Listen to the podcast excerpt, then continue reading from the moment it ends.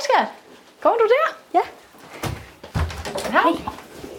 Karin Stavnskær krammer sin datter Stine Stavnskær Kirk.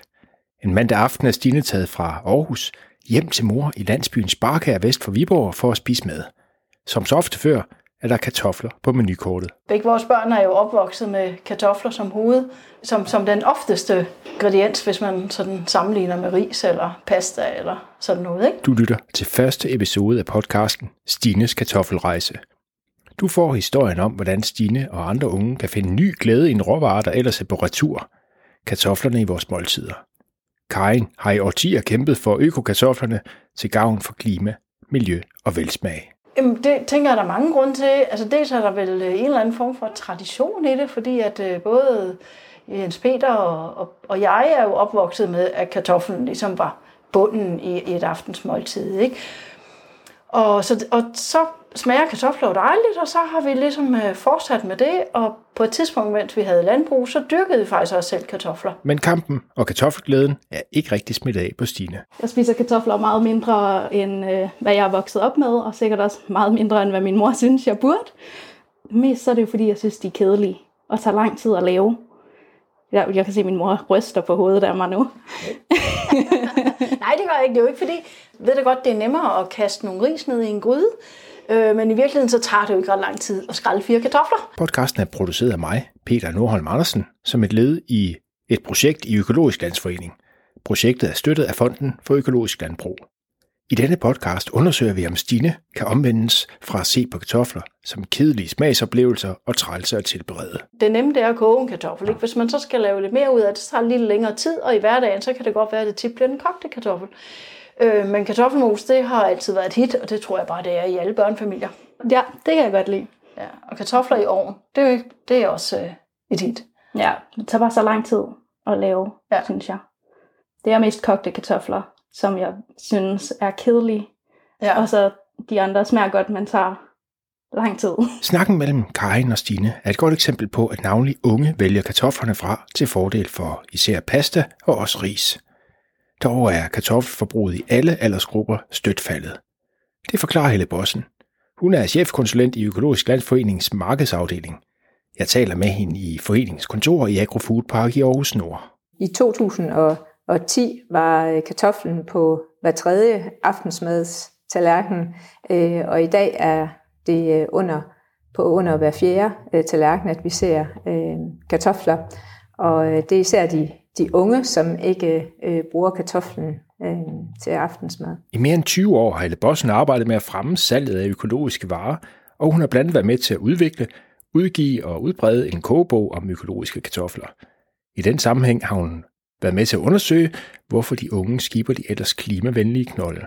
Kartoflen har måske lidt et, et, et støvet øh, image. Den forbindes med traditionel gammeldags mad som, som noget tilbehør, og den er besværlig, den skal, skal skræddes, og den tager lang tid og, om at, at koge. Altså netop de barriere, Stine allerede har peget på hjemme hos sin mor i Sparkær. Ifølge Helle Bossen er der ellers mange gode grunde til at spise kartofler, især de økologiske, som Økologisk Landsforening er fortalere for. Jeg synes, at det er rigtig ærgerligt, at, at man ved så lidt om kartoflen, og at der ikke bliver brugt flere øh, kartofler, og selvfølgelig også økologiske kartofler i, øh, i Danmark. Mønstret for salgstallene slår også igennem hos Karin og Stine. Hvorfor, hvorfor tror du, at unge de i højere grad vælger dem fra i forhold til, til din generation? Øh, jeg ved ikke, om du vil sige, hvor gammel du er. Jeg er mere midt i 50'erne. Ja, yes, ja, ja. ja. Jamen det tror jeg, jamen jeg tror, det har noget at gøre med, at vi lidt har fået en kultur, hvor madlavning, det må ikke tage tid. Jamen så føles det som om, det tager tid at lige skrælle de kartofler. Ikke? Øh, og man skal også, hvis man køber en pose fuld ned i brusen, så skal man også noget have den brugt, inden den bliver træls. Øh, hvorimod en pose ris eller en pose pasta, den kan holde et halvt år i skabet, og det er jeg lige glad af. Og hvad med dig? Du er jo 26, ikke også? Lige blevet 27. Du er lige blevet 27. Ja, til- tillykke. Tak. Ja. Og det, er det, det billede, din mor ridser op her, tror du, det, det er sådan, jeg, som du ser på det også? Ja, det tror jeg. Øh, specielt det der med, at det skal gå hurtigt, og kartofler kan ikke holde sig særlig lang tid i køleskabet. Øh, I hvert fald ikke, når man ikke rigtig ved, hvordan man skal opbevare dem. Helle Bossen forklarer, at selvom kartoffelfaldet falder, så er det gået den anden vej med andelen af økologiske kartofler de seneste mange år. Vi kan også se, at der kommer flere og flere økologiske kartoffelvarianter. Altså nu kan man få dem både i en kogekartoffel og i, i en, en lille nem kartoffel også. Og det er vi jo rigtig glade for, at, øh, at man også øh, kan vælge de her, øh, den nemme kartoffel i en økologisk kvalitet. Men det er klart, at vi vil gerne have endnu mere information ud i, i købsituationen, fordi det er der, det er vigtigt, at man også bliver mindet om, at hvad er forskellen på den økologiske og den konventionelle. Når den økologiske kartoffel er dyrere, så skal man jo også øh, ligesom have informationen, hvorfor er det, den er, den er dyrere. Så det er noget af det, vi arbejder med, det er at få nogle af de her budskaber omkring, at man sparer sig selv for pesticider, når man vælger den økologiske kartoffel. Få det ud i køb, købsituationen, altså enten at butikken skilter med det, eller at øh, producenterne bliver bedre til at informere om det på deres øh, emballager. Så det kunne helt konkret være et skilt siden af... Det kan være, at vi har lavet øh, forskellige øh, eksperimenter i sådan et nudging-studie, hvor det viser sig, at får man den her information øh, upfront, altså når man er ude at handle, altså helt tæt på, på kartoflen, så stiger salget af økologiske kartofler. Så man kan sige, at konkret viden om den økologiske produktion flytter folks handlemønster ind i supermarkedet? Helt klart. Altså konkret viden, det skal der til, fordi at øh, hvis man ikke kender forskellen på den økologiske og den konventionelle øh, produktion, så er det klart, at så vil man heller ikke betale en mere pris for den øh, økologiske variant. Okay. Og jo mere konkret øh, vi bliver, jo bedre. Karin Stavnskær er ikke i tvivl. Hun har endda betalt ekstra meget tid for sine kartofler, hun har nemlig dyrket dem i sin egen økologiske køkkenhave. Hvorfor skal øh, kartoflerne være økologiske i dine øjne? Jamen, det er fordi, at landbruget skal være økologisk, og vi skal spise økologisk. Så, så det, det, giver, det er det eneste, der giver mening fremadrettet, det er, at, at tingene er økologiske, så vi Men får hvad, nogle gode... hvad er det præcis i de økologiske dyrkningsmetoder? Jamen, det er, jo, det er jo blandt andet noget med det der med fravær af, af sprøjtemidler og, og kunstige gødningsstoffer, og de, den der naturlighed og den der livscyklus, der er i økologien. Det er derfor, jeg tænker, at det skal være økologisk. Helle Bossen påpeger også, at fraværet af pesticider er meget vigtigt for forbrugerne. Vi vil rigtig gerne informere omkring, at øh, man skal vælge den økologiske kartoffel, fordi der ikke bliver anvendt pesticider i den økologiske produktion. Og det har vi, er en stor opgave, vi skal fortælle omkring. Øh, her i år kom det jo frem, at, at der er fundet pesticider fra den konventionelle kartoffelproduktion i vores grundvand. Og selvom de stoffer er forbudt i dag, er det jo altså stadigvæk skræmmende. Altså det har jo, kan jo havne i grundvandet om, om, om mange år. Der tager jo lang tid inden, at det kommer i, i grundvandet, de her stoffer. Og det er jo her, økologerne arbejder ud for et forsigtighedsprincip, Det er nogle gode store øh, kartofler. De, de, de er meget så store, de tager. Ja, det, det synes jeg faktisk, de gør. Og lige Dita har jo den fordel, at, at den er rigtig svær at få til at koge ud. Så selvom at den får lidt rigeligt, altså den er ikke så sart overfor, om den bliver kogt 5 minutter for længe. Karin Stavnskær har en fortid som økologisk landmand og økologirådgiver bag sig. Jeg har hørt rigtig mange landmænd sige, at når nu de kommer op sådan et eller andet sted i 40'erne og havde fået tag om det der med at være landmænd og havde styr på dyrene og markerne, og det kørte meget godt. Og hvor var det så lige, de skulle udvikle henne, ikke? Så kunne det måske være sjovt at prøve kræfter med økologien. Øhm, og nogle af dem startede så med at, at gøre det for sådan lidt for, at der var penge i det, og de skulle sådan, øh, som sagt, have nogle udfordringer. Men, men når så først de kom i gang, så blev de jo ligesom fanget sådan rent mentalt, ikke?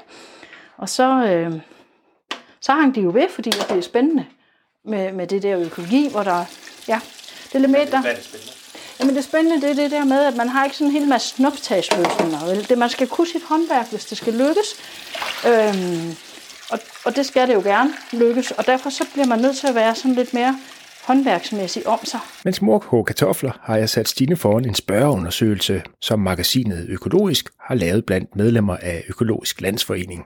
Stine har nu godt 15 minutters kogetid til at simre over de mange konstruktive svar, der er kommet til, hvordan unge kan få flere kartofler ind i kosten. Ifølge Helle Bossen er kartofler dog ikke et naturligt valg for de unge. De forbinder kartoflerne med noget andet.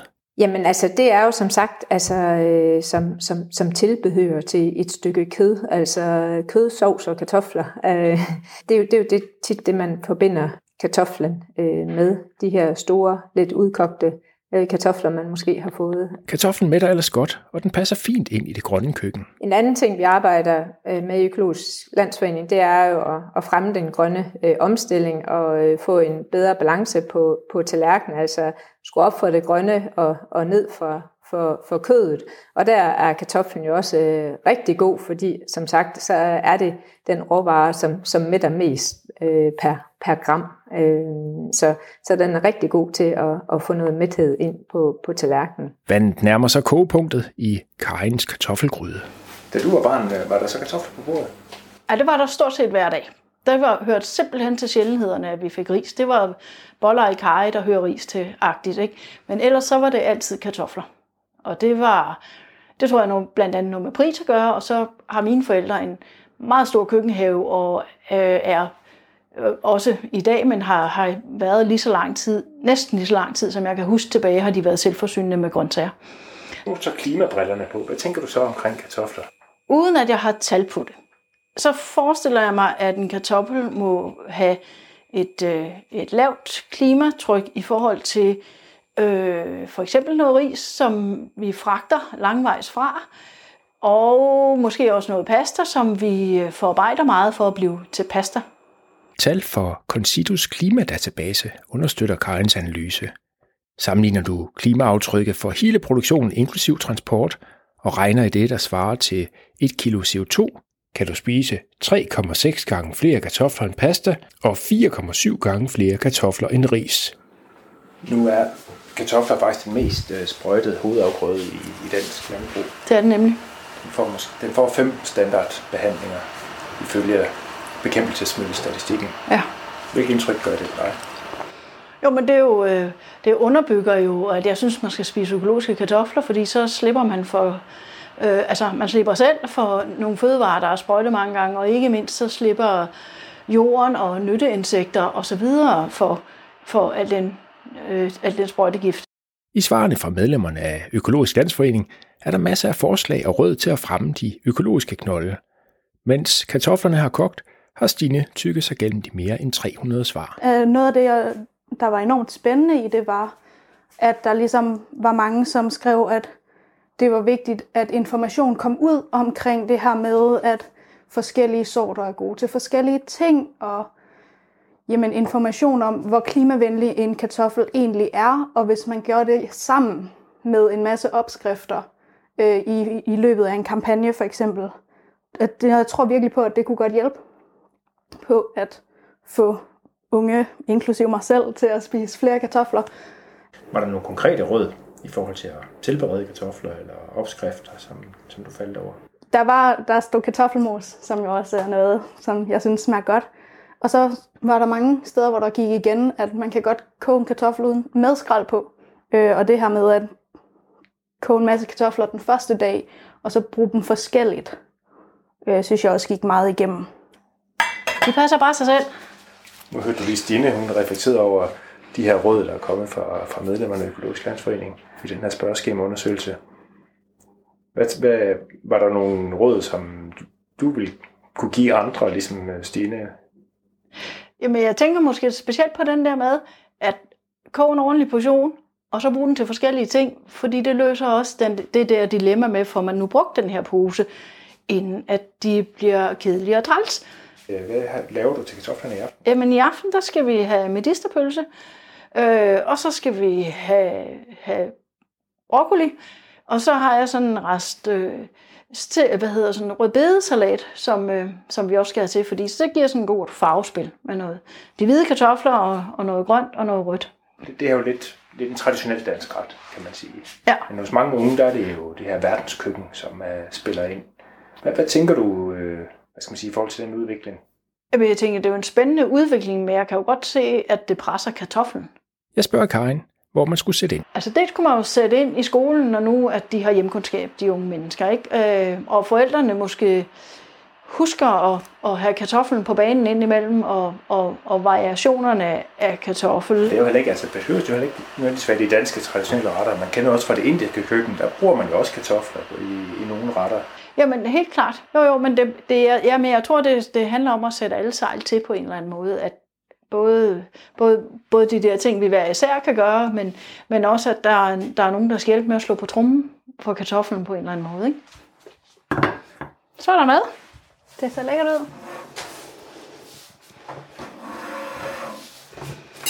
Ret til. Tak.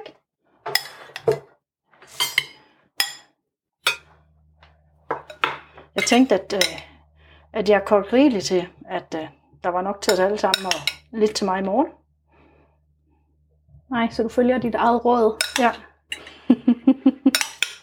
Hvor tit får du øh, brun sovs, øh, Stine? Når jeg laver medisterpøls eller flæskesteg. Hvor tit laver du med disse pølse? Ja, yeah, måske en gang om året. Eller sådan noget. Altså hver. Ja. Så måske to. Ellers så spiser vi ikke rigtig sovs derhjemme overhovedet. Nej. Er der noget med, at, øh, at kartofler og sovs, de sådan lidt hører sammen også? Jamen, det, de glider bedre ned, de der kartofler, når de kommer sovs, ikke? Knivene flækker de faste detaer. Stine synker. Jeg synes, den smager af kartofler. Smager den her kartofler mere end dem i Ja. køb? Ja. Det synes jeg. Hvorfor tror du? Er det fordi den anden så det, eller er det fordi din mor har dyrket dem selv? Eller? Måske er det noget med, med sorten.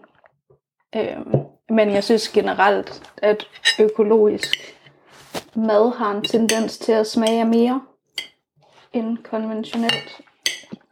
Hvilken oplevelse er det at grave øh, kartofler op og, og spise dem? Jeg synes jo, det er helt fantastisk. Altså det der med, at man går ud, og så graver man kartofler op, og en time senere, så spiser man den. Det er en helt fantastisk fornemmelse, sådan specielt i starten, når, når, når, de er, når de ikke er så store, eller det er de første gange, man graver op og sådan noget. Og øh, kom til at tænke på, hvordan den oplevelse er speciel.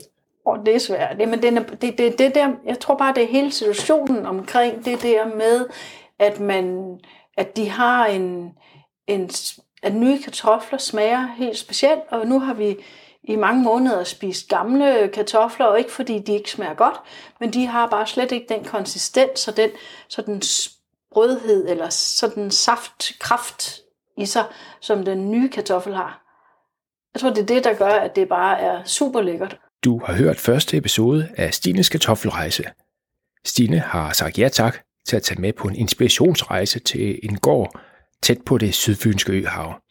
Følg hendes rejse og besøg hos gårdens par, der har dyrket økologiske grøntsager i årtier og ser sig selv som kartoffelentusiaster. Ligesom Karin, der har gjort sit for at nøse Stines kartoffelglæde. Hvad med dig, Stine? Kunne du forestille dig, at du nogensinde kommer til at dyrke dine egne kartofler? Det kunne jeg godt, ja. Jeg har set, der er sådan en spand.